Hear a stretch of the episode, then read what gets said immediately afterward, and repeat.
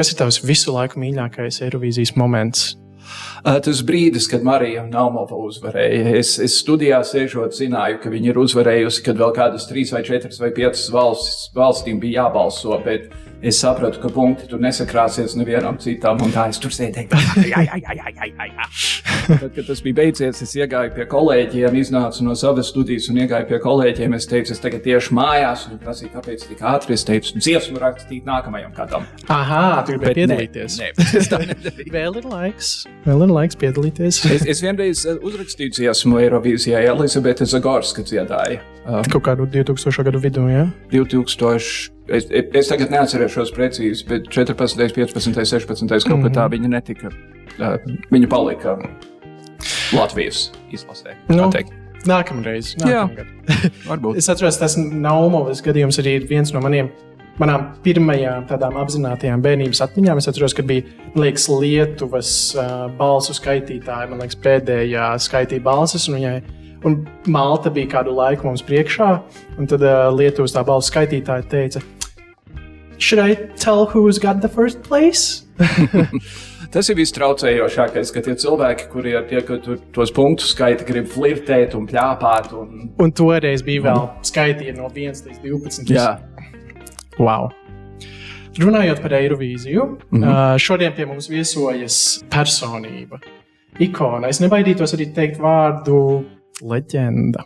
Mm. Uh, ilgu laiku vienīgais gejs Latvijā, kura vārds runā pats par sevi. Uh, žurnālists un TV24 raidījuma vadītājs Kārlis Streips. Un uh, paldies, ka atradi laiku savā, es teiktu, aizņemtajā grafikā, lai paviesotos mūsu mājīgajā studijā. Jā. Kurš bija pēdējais gads, kad tu komentēji Eirovīziju Latvijas televīzijā? 2010. manuprāt. Kopš tā laika arī tāpēc Latvijai iet kā iet. Jā, tieši tā. Tad, kad es tur biju, tad Marija Naumova uzvarēja, un, un Valters un Kāža bija 5. vietā.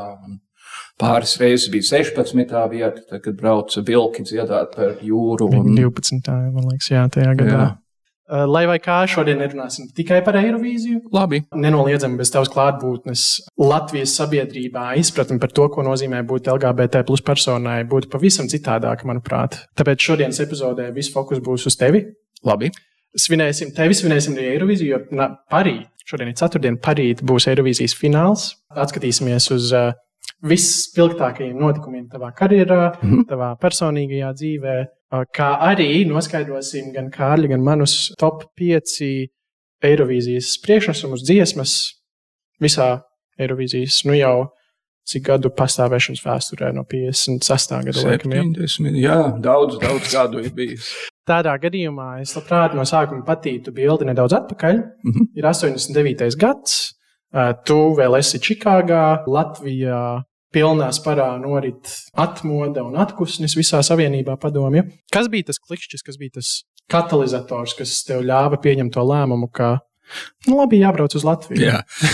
Es biju pirmkārt ne Čikāgā, bet Kanzasas galvaspilsētā Topīkā, kur es strādāju kā televīzijas korespondents. Un vienu rītu iezvanījās telefons, mamma man zvanīja, un viņa teica, ka viņai bija piedāvāts darbs Latvijas universitātē, vai kā to toreiz saucēja, darba sarkano karogu apbalvotajā Pēteras Tučkas Latvijas valsts universitātē mācīt angļu valodu. Jo Viņa Amerikā bija sacerējusi grāmatu amerikāņiem, kuri bija sapārojušies ar latviešu, gribēja mācīties latviešu valodu, vieglais ceļš uz uh, Easy Way to Latviju.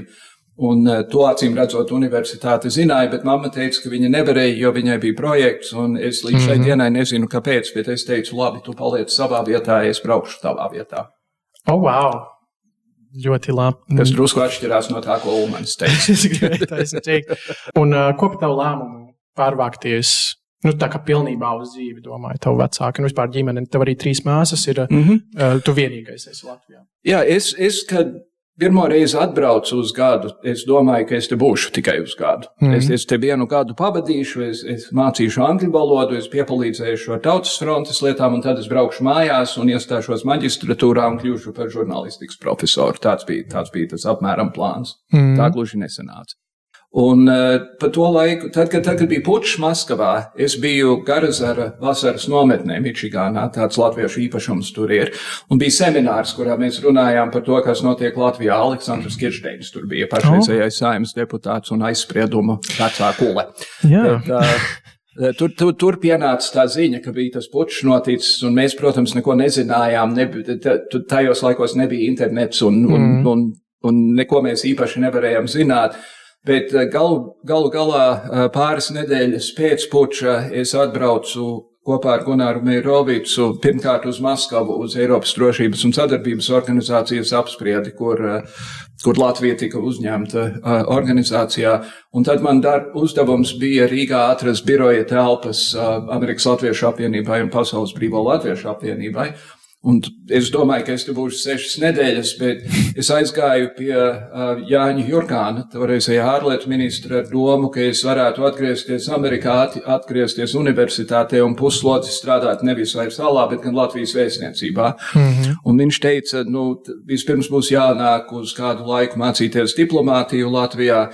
Un tā es, es, es nonācu ārlietu ministrijā, es biju biroja vadītājs, šeftu kabinē, kā saka elegantā diplomātu valodā. Un eh, kaut kad eh, tas bija tagad 90. Pirmā gada, jā, pirm, pirmā gada beigas, es, es eh, paliku, nolēmu palikt pavisam. Tad tu teiktu, ka nu, pagājušais pirmais gads, tu atgriezies Latvijā, un uh, tava karjera bezmazliet sākās politiskajās aprindās. Jā, um, uz īsu brīdi. Sākās politiskajās aprindās, tas turpinājās līdz 92. gada februārim vai martam, kad pie manis atnāca divi jaunieši un teica, mēs taisām televīziju, pirmo privāto televīziju bijušajā padomju savienībā, vai tu gribi nākt un vadīt ziņu nodaļu? Un es teicu, jā. Protams. Es esmu televīzijas ziņu žurnālists, darīsim tā. Bet kā vispār, um, atskatoties uz to laiku, uz atmodas laiku, kā bija būt klāt? Oh, tas bija, man, manī man, man galvenā emocija bija, cik tas bija netaisnīgi, ka Latvija bija okupēta. Tas, ka, ka Latvijā uz ielas bija daudz vairāk krievu valoda nekā latviešu valoda, ka veikalā iet uzrunāja pārdevēju latviešu valodā. Viņi reizēm uzgrieza muguru vienkārši demonstratīvi. Mani vienreiz izsēdināja uz VF tiltu no taksometru, jo cilvēks nevarēja iedomāties, ka kāds prot latviešu valodu, bet neprot, neprot krievu valodu. Es, es ātri iemācījos frāzi, izveņķie, ja latīši iz Ameriki, ja viņi paņemāju paruski. Bet to es pateicu tā glūdi, un neviens neticēja, ka es patiesībā nemāku. Um, bija, tā, bija tāda netaisnības sajūta, bet tajā pašā laikā bija arī tāda ļoti liela triumfa sajūta, jo, jo tautas atmodu attīstījās tā pakāpeniski un bija lielās manifestācijas krastmalā ar karogiem un, un transparentiem un visu pārējo. Un tad pa visu vairāk bija augstākās padomes vēlēšanas. Mm. Mans uzdevums tajā kontekstā bija pārrakstīt Tautas frontes kandidātu rokā, rokraksta, rokrakstā rakstītās biogrāfijas CV, ierakstīt datorā. Un digitalizācija. Digital, agrīnā digitalizācija, jā. Neteiksim, ka viņiem visiem bija īpaši glīts rokraksts, bet kaut kā mēs tikām galā un tad tajā pienāca tā diena, 4. maijā, kad bija balsojums un uh, Neviens nebija skaidri pateicis, mēs zinām, ka tur ir tas nepieciešamais vairākums. Atpakaļ skatoties, es esmu pārliecināts, ka Tautas fronte nebūtu to jautājumu likusi, ja viņi nebūtu zinājusi. Bet um, mans uzdevums, es biju blakus plenārsēžu zālē un, un tulkot, tur bija liels bārs ārvalstu žurnālistu, kuri bija atbraukuši to visu skatīties. Un, uh, tad, kad um, sākās tas skaitījums, un, un jo tuvāk tika tiem 130 četriem vai cik tur bija vajadzīgs. Es visu laiku skatījos uz tepiņu, jo es zināju, ja es kādu saskatīšos, es sākšu raudāt. Tas bija, tas bija tāds, tad Latvija, Latvija pieteica neatkarību. Un, um, tad, kad tas bija izdarīts, tad mēs visi sagājām plenāru sēžu zālē, un tur tāpēc iedāts Dievs svētī Latviju, izņemot mani, kurš raudāja. Un, Um, tur bija telefoni, kur varēja piezvanīt uh, uz ārzemēm bez nepieciešamības caur Maskavu. Es zvanīju mammai Čikāgā, bet viņa nebija mājās. Un, Viņi mm. laikam kaut kur svinēja ar cilvēkiem. Es domāju, un... gan. tu pieminējies par to, ka tajā nu, atmodas laikā bija nu, kaut kādas sāpes, kaut kāda veida sāpes par to, ka Latvija bija okupēta. Nu, pašsaprotami, vai tā netaisnības sajūta joprojām ir arī šodien? Nē, Nē, Latvija atbrīvojās. Latvija tagad ir jau, jau labu laiku ilgāk bijusi neatkarīga šajā piegājienā nekā bija pirmā, pirmais brīvvalsts laiks. Mm. Un, eh, un, un nē, absolūti nē. Ļoti daudz, kas mūsu valstī varētu būt labāk. Eh, mums varētu būt daudz, daudz, daudz, daudz gudrāka politika nekā mums ir. Bet uh, mēs esam neatkarīga valsts, mēs esam ANO, mēs esam NATO, mēs esam Eiropas Savienībā, mēs esam Eiropas padomē. Mēs esam daļa no rietumu civilizācijas, un, un tas ir tikai un vienīgi svētīgi. Ir, ir tautas pasaulē, kuras nav tik tālu tikušas, kurdi, piemēram, uh, uh, kataloņi, mm. baski. Kā būtu, ja mēs atklātu mūsu piektās, visu laiku mīļākās Eirovīzijas dziesmas? Lūdzu! Tā tad uh, es atskaņošu gabaliņu, un uh, tu droši padomā, ko, kas, kas tev ar to dziesmu saistās. Mm -hmm. Tad šī ir Polija 2022. gads. Jā, šis ir cilvēks vārdā Okmans. Viņš ir polis, bet no Amerikas. Tas ir iemesls, kāpēc viņš dzied bez īpaša akcentu. Un, man vienkārši tā dziesma ļoti patīk. Viņa ir tāda dramatiska un, un, un drusku skumja, un viņš pats ir smukulītis, un līdz ar to man patīk. Žēl, viņš visu laiku dziedāja ar aizvērtām acīm.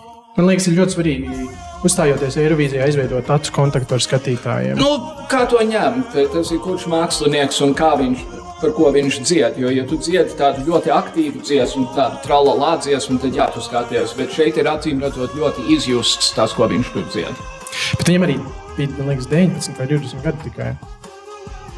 Nu, es nezinu, jā, vecs viņš katrā gadījumā nav. Bet šis falsets, kas viņam ir, tas yeah. ļoti skaisti. Ah, tas falsets man atgādina uh, Šveices Žons Tiers bija pirms kaut kādiem uh, gadiem, diviem. Mm -hmm. Arī dziedāja ļoti skaistu falsetu. Jā. Forši. Mana piektā ir tāda, es teiktu, mainstream dziesma. It's impossible. Šis ir 76. gads, man liekas, Lielbritānija. Un viņi uzvinēja, man liekas, to dziesmu. Un viņi diezgan populāri ir uh, arī ārpus Eirovīzijas. Es atceros, es, kad es Frankiju iepazīstināju ar, to, ar Eirovīzijas kultūru un Eirovīzijas fenomenu. Jo, protams, vienīgā viņa saskarsme ar Eirovīziju bija Eirovīzijas filma. Mm -hmm. un, ar Billu Fērelu. Jā. Un uh, mēs klausījāmies vairākas dziesmas. Pirmkārt, viņš šokēja, ka Aba un Selīna Diona ir no Eirovīzijas nākuši cilvēki. Un, uh, šī dziesma bija viena no tām, kur viņi saprata, ka paga, paga. Kaut kas dzirdēts. Kaut kas ir dzirdēts. Jā, principā vienīgie, kuri tiešām ir kļuvuši slaveni pēc Eirovīzijas, ir abi, kas dziedāja Waterloo. Un tad, kad bija Eirovīzijas 50 gadi, tad bija liels šovs ar pirmām 20 dziesmām, un viņi uzvarēja pilnīgi bez jebkādām problēmām. Selīna Diona, um, kur pārstāvēja Šveici. Un tad um, dziesma kaut kur agrāk, uh, nu, Pinto vai kā, kaut kāda, kas ir polārē. Jā, jā, jā, tā arī sākās kā Eirovīzijas dziesma. Jā. Lieliski.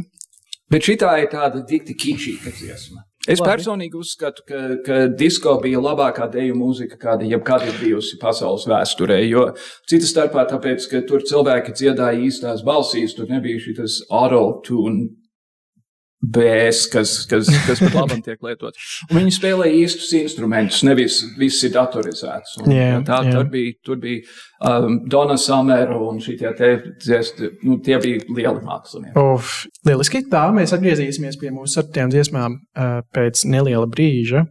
Uh, Es tev vēlos pajautāt, nu, nav noslēpums, ka tu īstenībā nekad neesi sēdējis skapī, vismaz kamēr Latvijā dzīvo. Visi un visu mammas un vecmāmas zina, ka Kārlis Streips ilgu laiku bija vienīgais gejs Latvijā.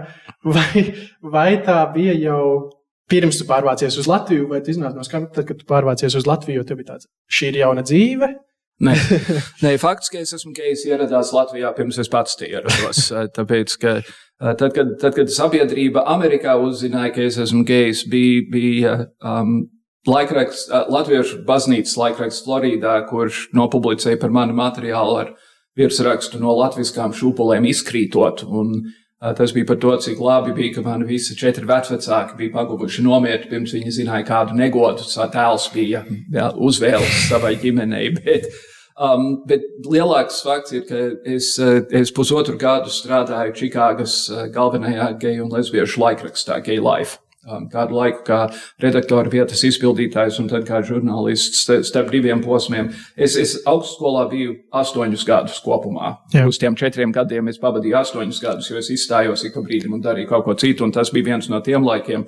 Čikāgā bija tāds um, slēnieks, kā es viņu saucu, avīzē, kas raksta uh, nu, slēdzas uh, kapcinēts, kurš rakstīja par slavenībām. Un mm -hmm. tādā, tādā diezgan iedzīgā veidā un parādījās teksts. Mēs esam uzzinājuši, ka uh, laikraksta Gay Life jaunais uh, redaktors Kārlis Streips pirms tam bija pārš senātā. Mm -hmm. Un kādu brīdi pirms tam piezvanīja pa telefonu, un viņš mani uzaicināja uz savu raidījumu. Televīzijas oh, wow, raidījumu, wow. kas bija tāds Lētā studijā tāds, tāds mazs televīzijas raidījums. Kāpēc es skaties apkārt? Tā nebija profesionāla, īpaši profesionāla televīzijas studija. Un mēs visu izrunājām, un es pie sevis domāju, to redzēs tikai 15 cilvēku Čikāgā, un visus pie to redzēja daži latvieši, kuri piezvanīja citiem latviešiem, un kuri piezvanīja citiem latviešiem, kuri piezvanīja citiem latviešiem. Un ar laiku šis fakts arī nonāca okupētajā Latvijā. Nu, ļoti labi. Tev vismaz nebija nekas jādara. jā, jā. Es, es principā es, es ap, apzinājos, ka man patīk citi puiši, kad man bija apmēram septiņi gadi. Septiņi gadi. Uh, jā, es, es sapratu, ka tas nav kaut kas tāds, par ko runāt ar citiem. Mm -hmm. Bet es arī nevienu mirkli nedomāju, ka es esmu vienīgais. Es nedomāju, ka es esmu kaut kā slims, ka es esmu kaut kā nepareizs. Um, tajā, tajā ziņā man ļoti laimējās, un man arī laimējās, ka man bija vecāki, kuri bija saprotoši un nevis noraidoši. Tas ir forši. Uh, atgriežamies pie mūsu topā. Tātad ceturtā vieta, Kārlim, ir. Ar tevi saistās šī dziesma. Man viņa vienkārši ļoti patīk, tāpēc, ka viņa ir tāda triumfāla dziesma. Tas jēzus, un, un tā, tā, man, man viņa visu laiku ir patikusi. Es neatceros, kur es viņu pirmo reizi dzirdēju, um, bet es viņu atcerējos, un tad, kad parādījās YouTube, tad es viņu sameklēju un klausījos atkal. Kā? Te ir, te ir piedzīvotājums. Ar trompetēm. Kādas ir tavas attiecības ar modulācijām Eirovīzijas dziesmās? Jo, jo man liekas, modulācija, nu, key change ir viens no galvenajiem tādiem Daksturu, daksturu iezīmēm Eirovīzijas dziesmām. Jā, es personīgi neesmu muzikāls cilvēks nemaz. Uh, es, es, es, tad, kad es biju bērns, es mācījos klavierus spēlēt, un skolā es spēlēju tūbu, lielo tūbu. Um, bet tā, uh, un es dziedāju, es esmu dziedājis koros reizēm, bet es neesmu īpaši, es neko īpaši nezinu par mūziku, līdz ar to es neesmu tas, kurš var vērtēt vai dzied. Es, es, es dziesmas vērtēju tāpat, kā es vērtēju mākslu, vai nu man patīk vai nepatīk. Mm -hmm. Man nav vajadzīgs mēģināt pašam sev skaidrot, kāpēc patīk. Vai vienkārši patīk. Un tu esi arī, kad tu komentēji Eirovīzijas dziesmu, nu, Eirovīziju kā tādu, man liekas, tu vienmēr biji ļoti objektīvs. Jā, man neļāva. Lielbritānijā Terijs Logans vispirms, un tagad Grāms Nortens. Ja viņiem nepatika tā dziesma, tad viņi tā varēja pateikt. Grāms Nortens vienreiz par vienu Albānijas priekšnesumu teica, Tās ir trīs minūtes, kuras mēs nekad mūžā neatgūsim. Bet uz to var skatīties arī citādāk. Mums šī dziesma nekad vairs nebūs jāklausās. Man neļāva tā runāt. Oh, žēl. Būtu interesanti dzirdēt. Mana ceturtā visu laiku mīļākā Eirovīzijas dziesma ir no Beļģijas 2003. gads, kad kontes, konkurss notika Rīgā. Tas bija pirmais gads, man liekas, Eirovīzijā, kad skatuve bija ļoti profesionāla ar LED ekrāniem. Un šī dziesma pat par sevi pirmkārt ir izdomāta valoda. Tas ir pēc laika, kad atcēla notiekums par to, ka katram jādzied savā valodā. Un tad visi mēģināja vai nu dziedāt visās valodās, vai bija arī gadījumi, kad vispār nav vārdu, nav liriku dziesmās. Jā, ir tikai pāris reizes bijušas, kad ir pilnīgi izdomāta valoda. Šī bija viena no tām, un viņi, viņi saņēma otro vietu par šo, šo konkrēto priekšnesumu. Iemesls, kāpēc skatuve Latvijā bija tik ļoti profesionāla, principā ir tāds, ka Zviedrijas televīzija atbrauca, uztaisīja Eirovīziju un tad atkal aizbrauca. Um, Latvijas gadījumā tas pats bija Igaunijā kādu pirms tam. Laimīgā kārtā viņi atstāja visu savu tehniku Latvijas televīzijai, kas bija mīļi no viņiem. Pirmie, pirmie, pirmie gadi šajā gadsimtā bija ļoti strīdīgi un kontroversiāli. Skatoties no šodienas skatu punkta, man liekas, ir dažiem cilvēkiem, kas ļoti nepatīk tas, tās dziesmas, ar ko Latvija un Igaunija uzvarēja 2001. un 2002. gadā.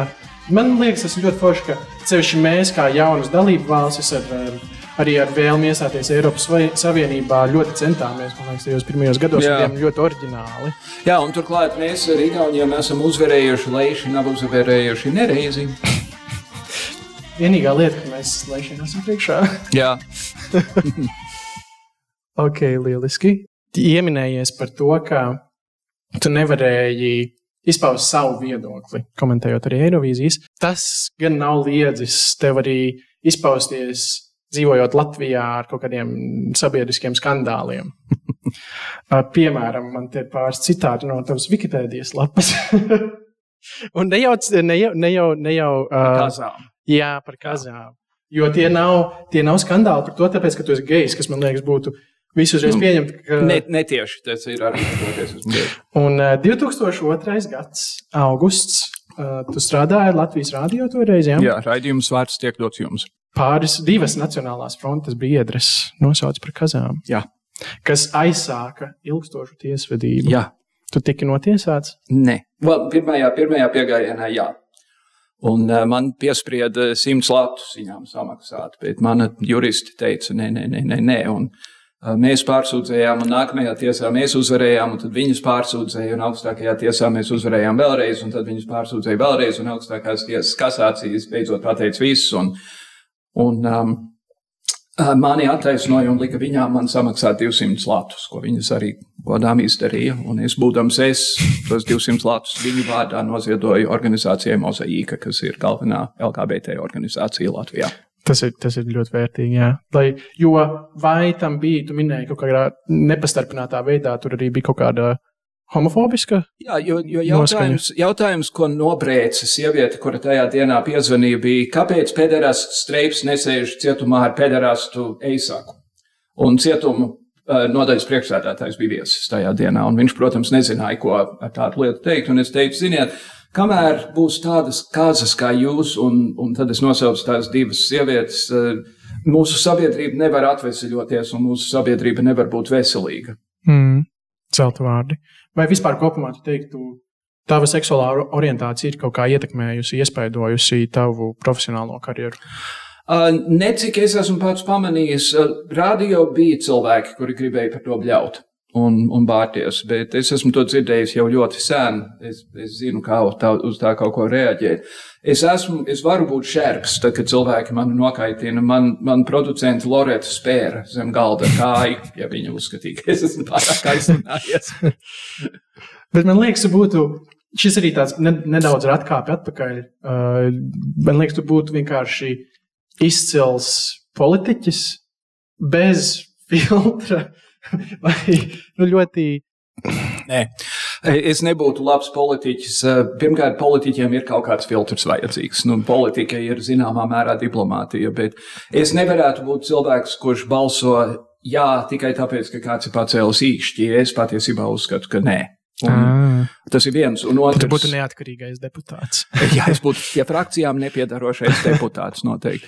Un otra lieta ir, ka es, man nekad nav paticis no cilvēkiem manķot naudu. Un tas ir, tas, tā ir lieta, kas politiķiem ir jādara. Viņiem ir jāvāc nauda no atbalstītājiem un ziedotājiem. Mm. Es gribētu būt Eiropas parlamenta deputāts vienkārši tāpēc, ka, ja tu tur esi četrus gadus, tad tev ir garantēta ļoti laba pensija pēc tam. Jā, tad Jānis Danoka priecājās. Jā, tad Jānis Danoka būs bagāta sieviete. Jā. Un vai... Alfrēds Rubiks arī. Jā. Vai tavā karjeras laikā ir bijuši kaut kādi sevišķi projekti tev pašam, par ko tu ļoti lepojies? Kaut kas, ar ko ļoti lepojas. Uh, NTV5, kas bija tā televīzija, kur, kur mēs uzsākām 92. gadā, uh, mēs, mēs nostādījām profesionālus standartus televīzijas ziņām. Mēs, par to es esmu pilnīgi pārliecināts. Un, uh, Man diktori bija Edvards Švāns, kurš ir laikā kopš tam viņš darbojas kā DJs. Un tad, kad viņš pie mums atnāca, viņš bija atslēdznieks augstākās padomas autobāzē, bet viņam bija tāda perfekta um, žurnālistikas balss. Ilva Liepiņa bija kopā ar viņu, vadīja raidījumus. Ilva Liepiņa ilgus gadus panorāmā bija galvenā mm. diktore. Ansis Bogustovs, kurš tagad strādā TV24, sāka pie mums Baibas Trautmani strādāja kādu laiku panorāmā, bet atnāca pie mums. Uģis Vidauskis, kas ir Rīgas domas preses sekretārs, bijis tagad kopš Jēzus bija pusaudzis, kādu laiku pie mums strādāja. Un es šos cilvēkus palaidu, uh, palaidu pasaulē, un um, tas ir tas, par ko es visvairāk lepojos. Ne tikai Eirovīzijas, bet arī televīzijas tēvs. Tā nosacīja. Atgriežamies pie mūsu topa, top 3. Sāksim atkal ar tavējo. Mēs pār, ah, man bija 2003. tev arī būs 2003. Jā. gada dziesma. Tas tuvas saites ar poliju kā tādu? Nē, šī dziesma man vienkārši ļoti, ļoti patika, tāpēc, ka viņa bija principā par uh, startautisku mieru. Viņa bija par to, ka dziesma ir Kaina Krensen, kas nozīmē nekādas robežas. Un viņa dziedāja vācu, um, poļu un angļu valodā vai varbūt krievu valodā. Un, un centrālā doma bija, ka mēs visi esam kopēji skatoties no debesīm. Um, nekādu robežu nav. Ne, mm. tās ir robežas, ko mēs paši esam izdomājuši. Un nu, ļoti labi dziedātāji. Un viņi man liekas, sestajā vietā bija laikam mm. Rīgā. Tad tu teiktu, ka tev ne tikai, ne tikai melodija, bet arī vārdi. Vēsts, kaut kas, kas ir ļoti svarīgi. Jā, jā. jā, tieši tā. Ir arī. Aine Grenzen. Labi. Pirms mēs atklājam mūsu top divi, vai būtu ok, ja mēs parunājam par privāto dzīvi? Lūdzu. Tu esi brīvs vīrietis, vai ne? Jā. Es pieņemu, ka Latvijā tas izvēļu lokus, tas kā, nu, ne pīļu dīķis, bet vīriešu dīķis ir tādiem saprātīgiem, veselīgiem, sevi mīlošiem vīriešiem, kas ir homoseksuāli, ir diezgan neliels. Man personīgi, man desmit gadus bija, bija stabilas attiecības ar vienu konkrētu cilvēku, lielākoties platoniskas, bet viņš, viņš aizgāja mūžībā. Man, man nav īpaši vajadzības meklēt, jo um, es, es vēl joprojām esmu tendēts uz tā teikt, gados jauniem un smukiem. Gados jauniem un smukiem nav īpaši tendēti uz mani. Un arī, ja viņi būtu tendēti uz mani, viņi būtu tendēti vairāk uz manu naudas māku nekā uz mani. Nu, mēs varam, ne, telefonu numuru nesauksim, bet, ja nu ne. kas rakstiet Kārlim. Mums diezgan liela auditorija. Tā, nu, Nē, nerakstiet. Kārlis, Kārlis ir pēc savas būtības vieninieks. Es dzīvoju viens pats, es tur jūtos pavisam labi. Oh, ok, forši. Nē, pašpietiekamība, man liekas, ir pašpietiekams gejs, man liekas, ir kaut kas Nu, tāds retums. Ja es domāju, tas ir, tas ir visos cilvēkos. Galvenais ir saprast, ka būt vienam nenozīmē būt vientuļam. Un tas ir. Es pats sev tīri labi patīku. Es zinu, kas man patīk. Es vakaros apsēžos pie televizora, skatos raidījumus, kurus es esmu pilnīgi likumīgi ierakstījis no interneta, uzdzeru vīniņu. Prieks dzirdēt. Un kā bija, tu atbrauc uz Latviju 89. gads, kā ir bijusi tavā redzējumā tā kopienas attīstība? Vispār, kā bija 90. gados? Vai... Viņa, viņa ir bijusi principā neadekvāta. Um, pirmajos gados Zviedri, it īpaši no Stokholmas, brauca palīdzīgā ar, ar visādiem, uh, visāda veida praktisku palīdzību un finansiālu palīdzību, bet nekas īsti nav, nav attīstījies. Rīgā nekad nav bijuši vairāk nekā divi geibāri. Um, Rīgā nekad nav bijis lesbietēm domāts bārs. Un, un Rīgā nekad nav bijušas, Latvijas universitātē nekad nav bijis geju un lesbiešu studentu klubs. Un cik es zinu, nevienā Latvijas augstskolā tāds nav bijis. Nu, Latvijas universitātes studentu padomu ir diezgan gejiska. Tas bet, nu, varētu būt, bet tas, tas, tas neskaitās. Um, nav, nav, uh, nav, teiksim, uh, gejiem domātas sporta vienības, kas, kas Amerikā ir diezgan regulāri. Nav īpaši gejiem domātas um, reliģiskas organizācijas. Mm. Uh, Latvijā, Rīgā ir Anglikāņu baznīca, kas ir kļuvusi par tādu LGBT kopienas centrālu attiecībā mm. uz reliģiskām lietām, jo, jo pārējās baznīcas mēdz būt visnotaļ aizspriedumainas. Um, bet, um, jā, uh, vienkārši tad, kad parādījās internets, pazuda īpaši vajadzība socializēties ar citiem cilvēkiem klātienē kaut kādā publiskā vietā. Ja tu vari sēdēt mājās un, un slaukot pa kreisi vai pa labi, mm. atrast kādu, kas atnāks un jūs varēsiet seksot, un tad viņš ies mājās. Um, tad tev nav vajadzīgs iet uz krogu un uz, sa, saģērbties, un tu, tu zini, ka tur tev būs kaut kas jāmaksā, un, un, un, viss, un tad tu būsi piedzēries un būs grūti tikt mājās. Um, tas ir daudz vieglāk caur, caur internetu to visu sameklēt. Un, un manā uzturē tas ir žēl, jo um, tad, kad es augu, Geibārs bija tāda. Es negribu teikt, glābtuve, bet, bet tā bija vieta, kur tu zināji, ka tu būsi ar savējiem. Un, mm. un pat tad, kad es dzīvoju Illinois dienvidos, mazā, mazā, mazā pilsētiņā, Um, tur bija 30 km attālumā bija univers, pilsēta ar universitāti, un tur bija pāris skrogi. Līdz ar to piekdienu un sestdienu vakaros es varēju doties turp un iztusoties. Un es, es nebiju tajā laikā īpaši liels dzērājs, un, un varēju arī droši atbraukt atpakaļ mm. uz savu mazo pilsētiņu pēc tam. Man bija nesen uh, arī podkāstā saruna tikšanās ar Ritu Rudušu, un viņa stāstīja par, viņai vairāk pētījusi kopienas attīstības vēsturi Latvijā. Un bija tāda atziņa, ka 90. gados bija tāda falša cerība par to, ka latvieši nav tik aizspriedumaini, cik viņi īstenībā ir.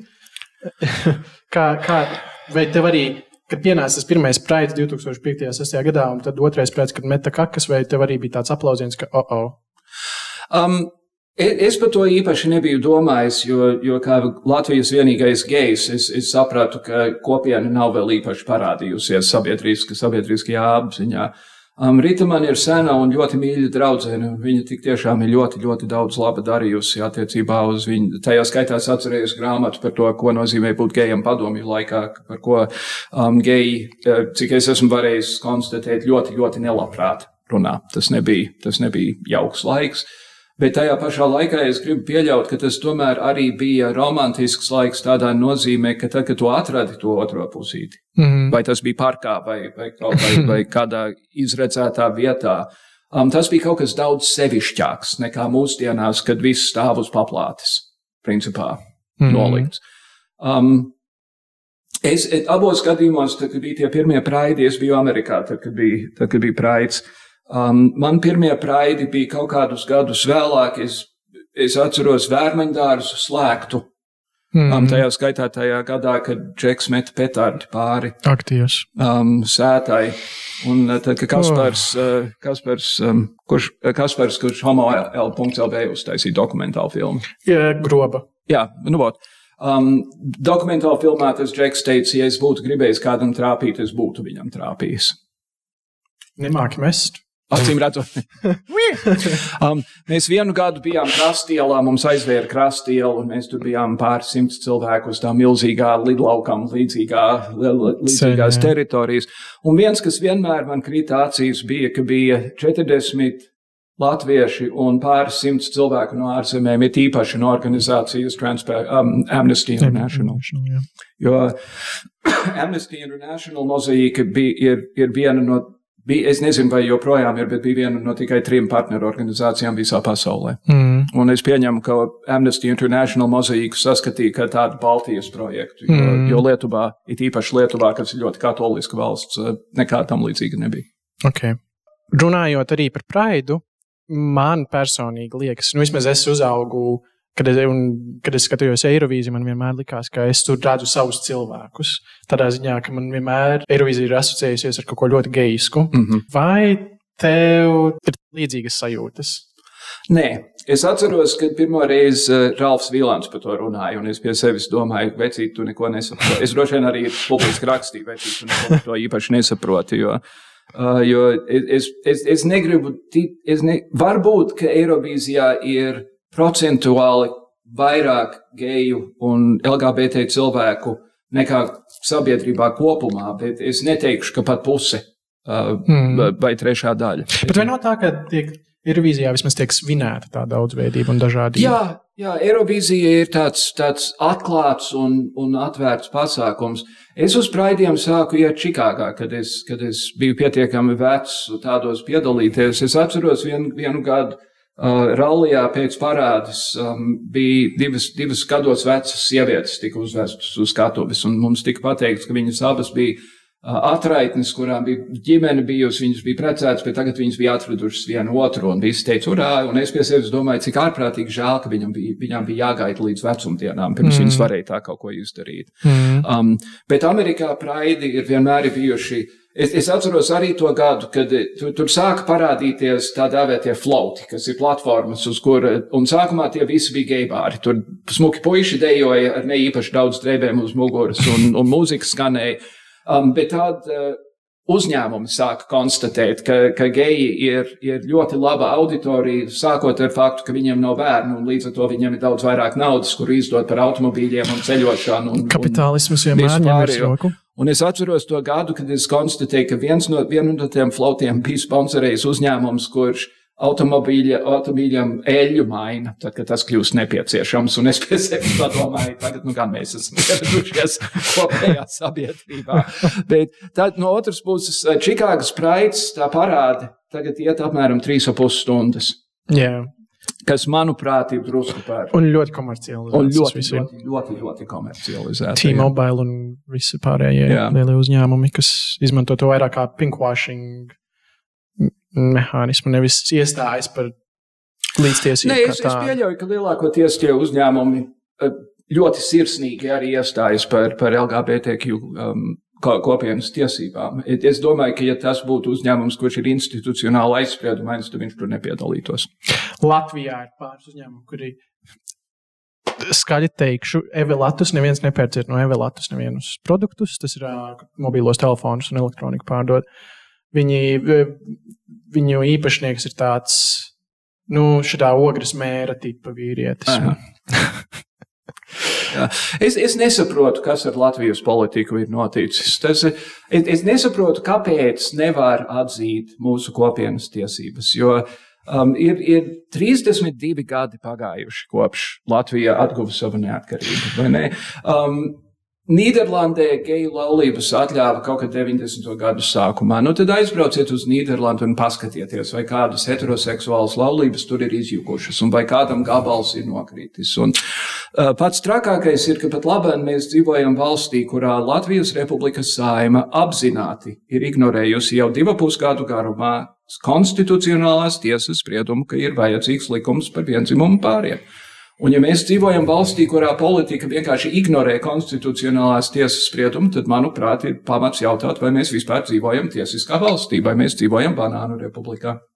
Pie šī mēs vēl atgriezīsimies, bet es gribu dzirdēt mūsu otrās vietas. Atkal sāksim ar tevi. Šī ir Portugāla 2008. Ļoti skaisti.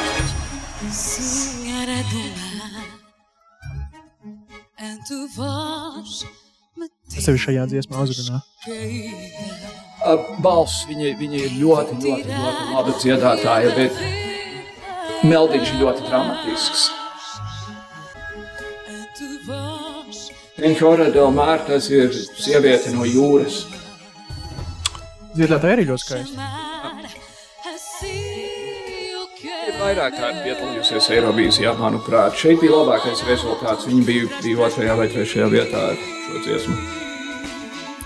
Parasti ir tas standarts, ka tu sāc kā backvokālists vai backvokālists, un tad pāris gadus vēlāk Es esmu solo dziedātājs. Jā, un Eirovīzija vienmēr to zina. Eirovīzija glabā visu nepieciešamo statistiku, un es joprojām esmu viņu e-pasta apritē. Un, un tur vienmēr ir. Ne, ne tāpēc, ka es kādreiz to darīju, tāpēc, ka es tur pierakstījos, ka, ah. viņi man sūta savus e-pastus. Un viņi vienmēr var pateikt, ka lūk, šis cilvēks piedalās piekto reizi, un tad viņš piedalījās kā backvokalists, un tad viņš bija kā duets, un, un tā tālāk, un tā joprojām. Mm. Kas, tavuprāt, ir no Latvijas izpildītājiem tāds, nu, tu dzirdi viņu vārdu un asociācija Eirovīzija? Mārtiņš Freimans pirmkārt, mm. un Lauris Reinigs, kuri abi divi. Uh, ļoti aktīvi piedalījās uh, um, procesos. Viņi kopā ar Jānu Keiju uzstājās Rīgā un izgāzās kā briesmīgi. tās tādas tradīcijas. Jā, tās, ir, tās ir tādas tradīcijas. Um, tie divi um, Mikus Rīva man ir ļoti žēl. Viņš ir mēģinājis un mēģinājis un mēģinājis un mēģinājis. Markus Rīva, Markus, jā, jā, Markus Rīva. Mēģinājis un mēģinājis un mēģinājis un mēģinājis. Un viņam nesenāk un nesenāk. Un arī nesenāk un šogad arī nesenāca. Un es, manuprāt, viņu vajag vienu kādu sūtīt vienkārši. Bez atlases? Varbūt pat bez atlases. Jā, pamēģini to. nu, labākas dziesmas vajag. Jā, jā, tā tas ir. Mana ieminējies arī uh, kaut kur, kaut kur izskanēja vārds Valters un Kāža, man liekas, mūsu sarunā. Man šī dziesma ir tātad 2005. gads Latvija. Mm -hmm. um, dziesma pati par sevi man liekas ļoti svaiga un viņu var klausīties. Ne, nu, tur ir pāris elementi, kas ir tādi, ok, šis ir 2005. gads, var dzirdēt, bet kopumā ļoti mierīga un tāda folksīga. Jā, tieši tā. Folksīga, tāda šlāgeriska principā. Jā, viņiem tas triks bija, ka viņi kādu brīdi zīmju valodā jā, jā, jā. rādīja, ko viņi dzied. Un viņi bija piektajā vietā. Un vai nebija tā, ka viņi gan izmaz netika finālā? Jā, jo viens no viņiem bija. Nē, nē, tas nebija tā, nebija problēma. Viens no viņiem bija saslimis, un viņam balss bija pazudusi. Pareizi, jā. Pie, tieši pirms lielā fināla, un tad viņi kaut kā atkopās, dzēra citronu sulu. Oh.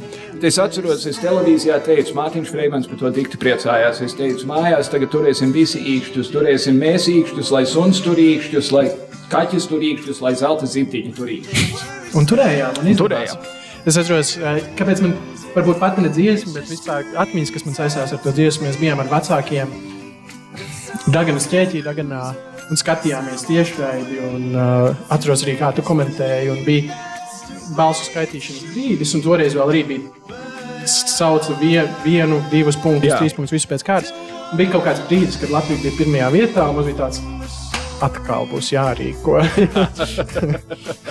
Jā, es zinu, ka Marija uzvarēja Latvijas televīzijā, bija diezgan liela panika. Mm. Tas, bija, tas bija tikai līdz tam brīdim, kad Zviedrijas televīzija pateica, čau, mēs nākam palīgā. ne, Zviedrija īstenībā bija. Jā, jā, Igaunijai vispār kopumā runājot par politiku un vispārējo. Ja Igaunijai bija Somija, Lietuvai bija Polija un Vācija, Latvija, man liekas, mēs kaut kā, vismaz tajos pirmajos desmit neatkarības gados ļoti kaut kā ar Zviedriju draudzējāmies diezgan daudz. Jā.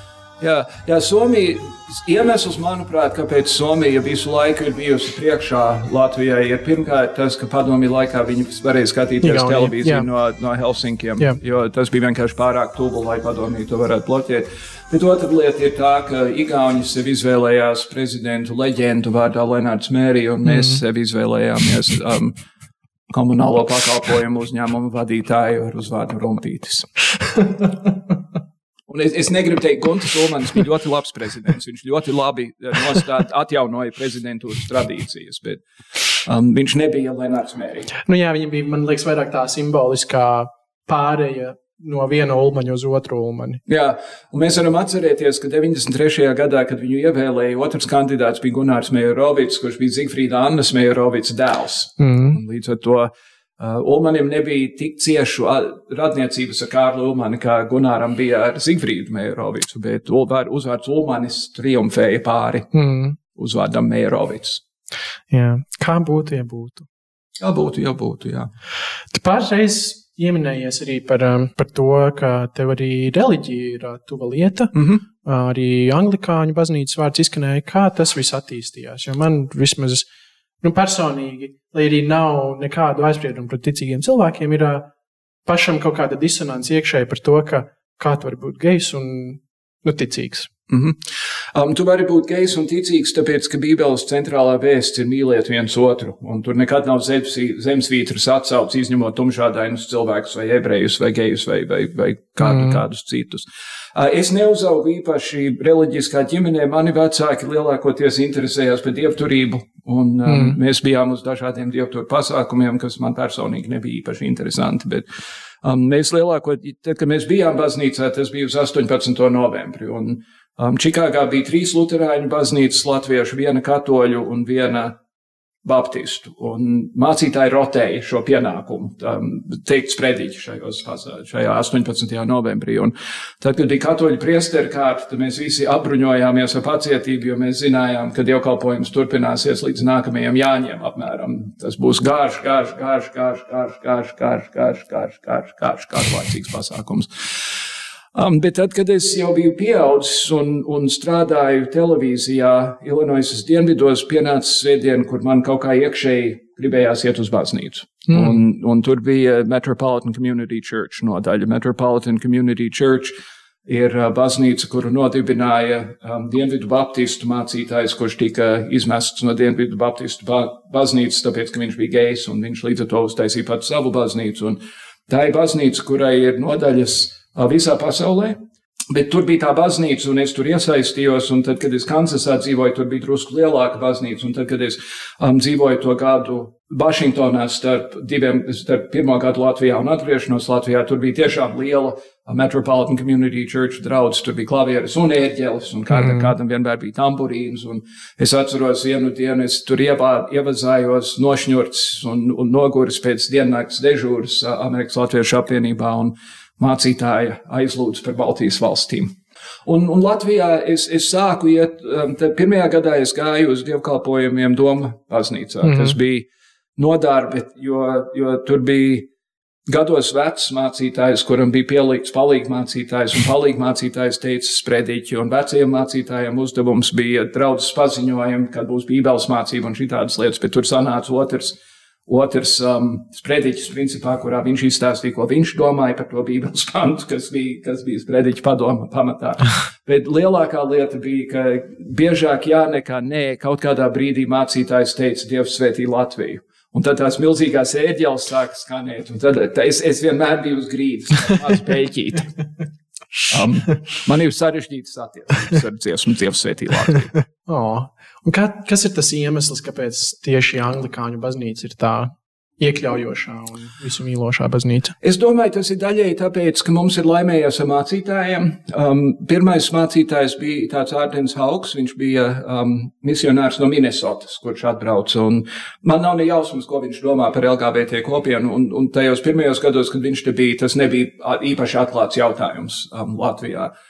Pēc viņa bija Juris Cālītis, kas ir reti gaišs cilvēks un ir strādājis visā pasaulē un ir, ir ļoti sirsnīgs. Un tad, kad sākās spraidi un um, reizēm bija vajadzīga vieta, kur cilvēki varēja patvērties, uh, viņš atvēra svētā glābēja draudzi krasmalā kā patvērumu cilvēkiem. Un viņš arī saskrējās ar Latvijas fašistisko arhibīskapu Vanagu, mm. um, un Vanaks viņu izraidīja no baznīcas, un līdz ar to nav nekāda mīlestība zudusi starp šiem diviem cilvēkiem.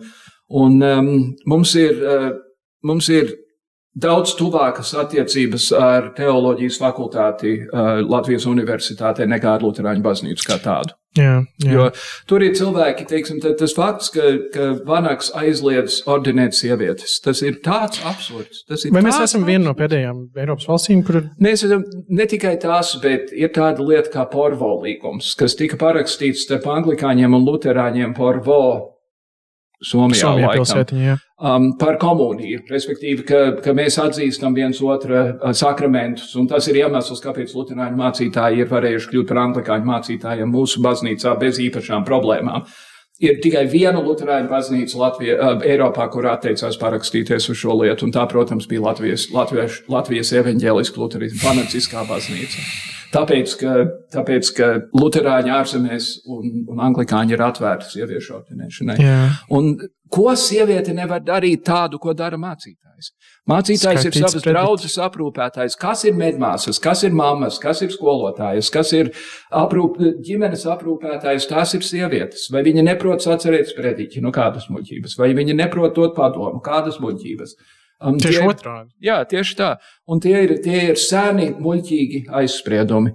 Un, un vispār, tad, kad Vanaks paziņoja, ka pēc daudziem gadiem, kad arī Latvijas Lutāņu baznīca bija ordinējusi sievietes, jo padomju laikā ir īpaši, protams, mācītāji kokos neauga. Um, e, Tad, kad viņš to paziņoja, viņš teica, ka ja viens iemesls, kāpēc viņš negrib sievietes, bija tas, ka Mārtiņš Luters nepazina nevienu sievietu mācītāju. Un es uzrakstīju komentāru laikrakstā dienu, kurā es teicu, ka es ceru, ka arhibīskaps nekad ne, nesaslims, tāpēc, ka Mārtiņš Luters arī nezināja, kas ir penicilīns. Un trīs nedēļas vēlāk Latvijas Lutāņu baznīca paziņoja, ka turpmāk geji, nē, nē, nē, nebija tiesvedība. Lutāņu baznīca paziņoja, ka geji turpmāk nedrīkstēs iet pie dievgalda Latvijas Lutāņu baznīcā. Līdz ar to es tapu ekskomunicēts. Un vēl jau vairāk, mums anglikāņos bija, bija kaut kāds pasākums, kur bija Kenterburijas arhīvīskaps, kas ir galvenais, galvenais anglikāns. Jā. Viņš bija atbraucis un arī Vanaks tur bija. Un es asistēju tajā dievkalpojumā. Un tā sanāca, ka tieši es biju tas, kas deva Vanakam mm -hmm. um, nu, maizīti, dievmaizīti. Wow. Un man vēlāk stāstīja, ka visi draugi turēja elpu redzēt, ko viņš darīs. Bet viņš, protams, negribēja scēnu uztaisīt. Tajā brīdī viņš paņēma un, un ar to visu bija pateikts. Bet ko, ko es ar to gribu teikt, ir, ka Vanaks man nav gatavs dot dievkaltu, bet es esmu bet bijis esi... gatavs dievkaltu. Tu padevi, tu padevi roku pretī. Jā. Lai Pirms mēs atklājam mūsu top 1, nu, vismaz manu top 1, tu teici, ka tas nav obligāti tavs top 1. Mans arī, es teiktu, nav obligāti mans top 1, man atkarībā no mana garstāvokļa mainās, bet pirms mēs pievēršamies tam, uh, tas būs tā tāds noslēgums. Um, ar žurnālistu skatoties, ko Latvijas vietējā LGBT plus kopiena var sagaidīt tuvāko gadu laikā. Ko mēs varam rēķināties? Um, Tagad arī Eiropas cilvēktiesību tiesa ir teikusi, ka visās Eiropas padomjas dalību valstīs ir obligāti jāpieņem partnerattiecību likums attiecībā uz vienpersonu, vienpa, vienzimumu pāriem. Nelaime ir, ka, manuprāt, vēl joprojām mūsu politiķi uzskata, ka tas ir ievazāts kaut kas no rietumiem, un tas nav kaut kas, kas ir attiecināms uz latviešiem. Un, ja, ja mani skatās pat labam gados jauni, geji un lesbietes. Es saprotu, ka jūs gribat uzsoties, bet jums ir atbildība par sevi un par nākošiem cilvēkiem, kas nāks, un jums ir jāiet pie tiem politikāņiem un jāsaka, es arī. Es arī. Es arī esmu cilvēks, kas dzīvo Latvijā. Es arī esmu cilvēks, kas maksā nodokļus. Nav iemesla, kāpēc es nevaru veidot attiecības ar to, ar ko es gribu. Veidot attiecības. Bet, diemžēl, mūsu jaunatne ir paslinka. Mm. Un ne tikai geji un lesbietes vien. Uf, labi, rīkosim atkal piketu. Jā. nu, Forši kā solīju, tad uh, atklāsim mūsu pirmās pozīcijas. Es, jā, šo dziesmu es atceros. Labi, pirmā, pirmā kā uh, tavējā dziesma. Somija 2009. Jā. Es esmu pēc Mika Dukura. Jā. Un viņi palika pēdējā vietā tajā gadā. Es nesaprotu, man šī tā dziesma tika bet tika finālā. Ko Latvija nevarētu veikt? Nē, tajā laikā vēl nebija fināla. Pusfināla, manuprāt. Did, bija? 2009. bija, jā, bija divi jau veseli. Nē, viņi, viņi tika finālā. Bet pēdējā vietā.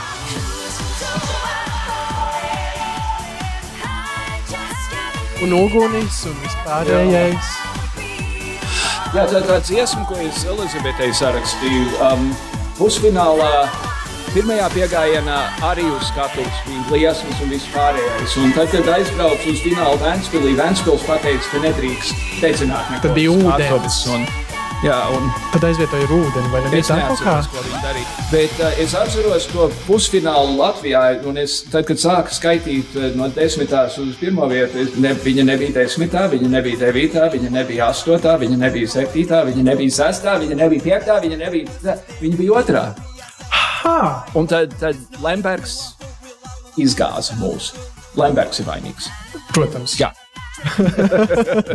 Kā vienmēr. Lieliski. Mana pirmā, ah, wow. Ok, 2009. gads arī. Nu, re. Tad mums ir, uh, mums ir 2003. abiem diviem, kas sakrīt. Mums bija 2022. un tagad arī 2009. kas sakrīt. Uh, šai dziesmai es zinu vārdus pilnīgi.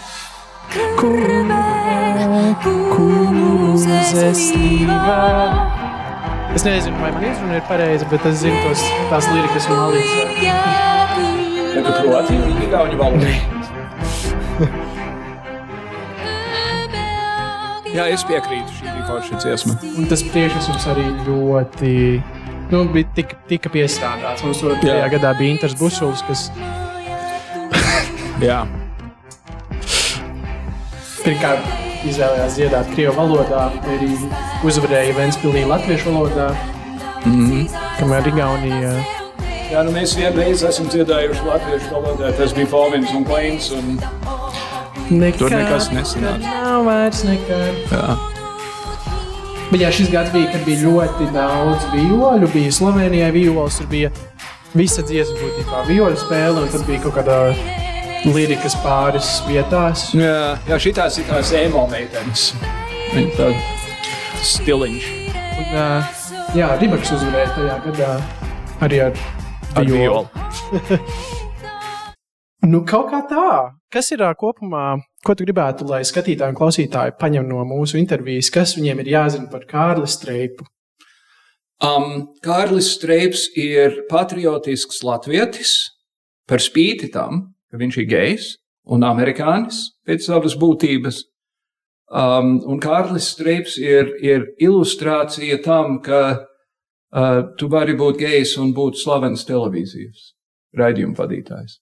Tas nav, tas nav kaut kas, kas man jebkad ir traucējis, un tas netraucē arī tagad. Prieks dzirdēt. Nu, cerams, ka tad būs vairāk geju televīzijā. Kaut gan televīzijā ir diezgan daudz geju. Ir diezgan daudz geju. Bet neviens, kurš nav publiski, neviens nav par to publiski runājis. Vēl jau šo baltiem. Nu, cerams, mēs šī saruna palīdzēs un iedrošinās arī jūs, visus klausītājus. Un es zinu arī, ka jūs skatāties un klausāties. Droši vien nē.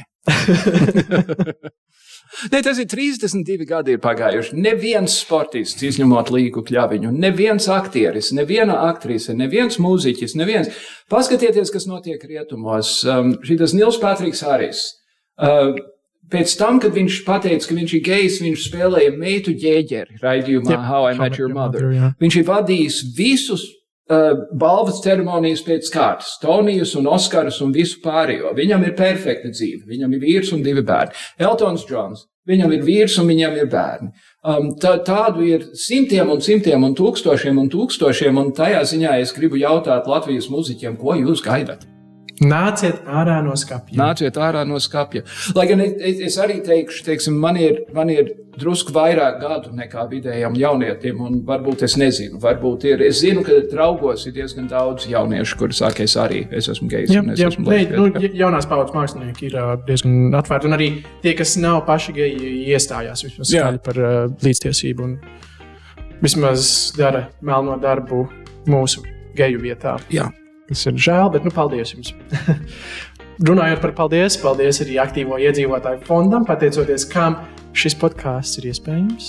Paldies visiem mūsu ziedotājiem, pateicoties kam otrā sezona propagandai būs iespējama. Jau tagad es pasaku priekšā, mēs būsim jaunā studijā, un kas vēl nebūs. Un, um, lai, lai arī, ja vēlaties noziedot un atvērt savu iespēju kapitālu, tā skaitā dabūt džemperis, dabūt visādas foršas propagandas lietas, dodies uz uh, vietni savespace.lv slīpsvītra propaganda. Kaut kā tā, paldies, Kārli. Jā. Es nezinu, vai vārds propaganda ir vispozitīvākais, ko lietot šajā Mēs mēģinām, mēs bet mēģinām paņemt to paņemt atpakaļ. Jā, tieši tā. Jā, propagandai nav pa visu varu jābūt ļaunprātīgai. Un man, man nav arī kauns teikt, ka šī ir, propaganda, šī ir geju propaganda. Jā, Labs ir ātrā. Tiekamies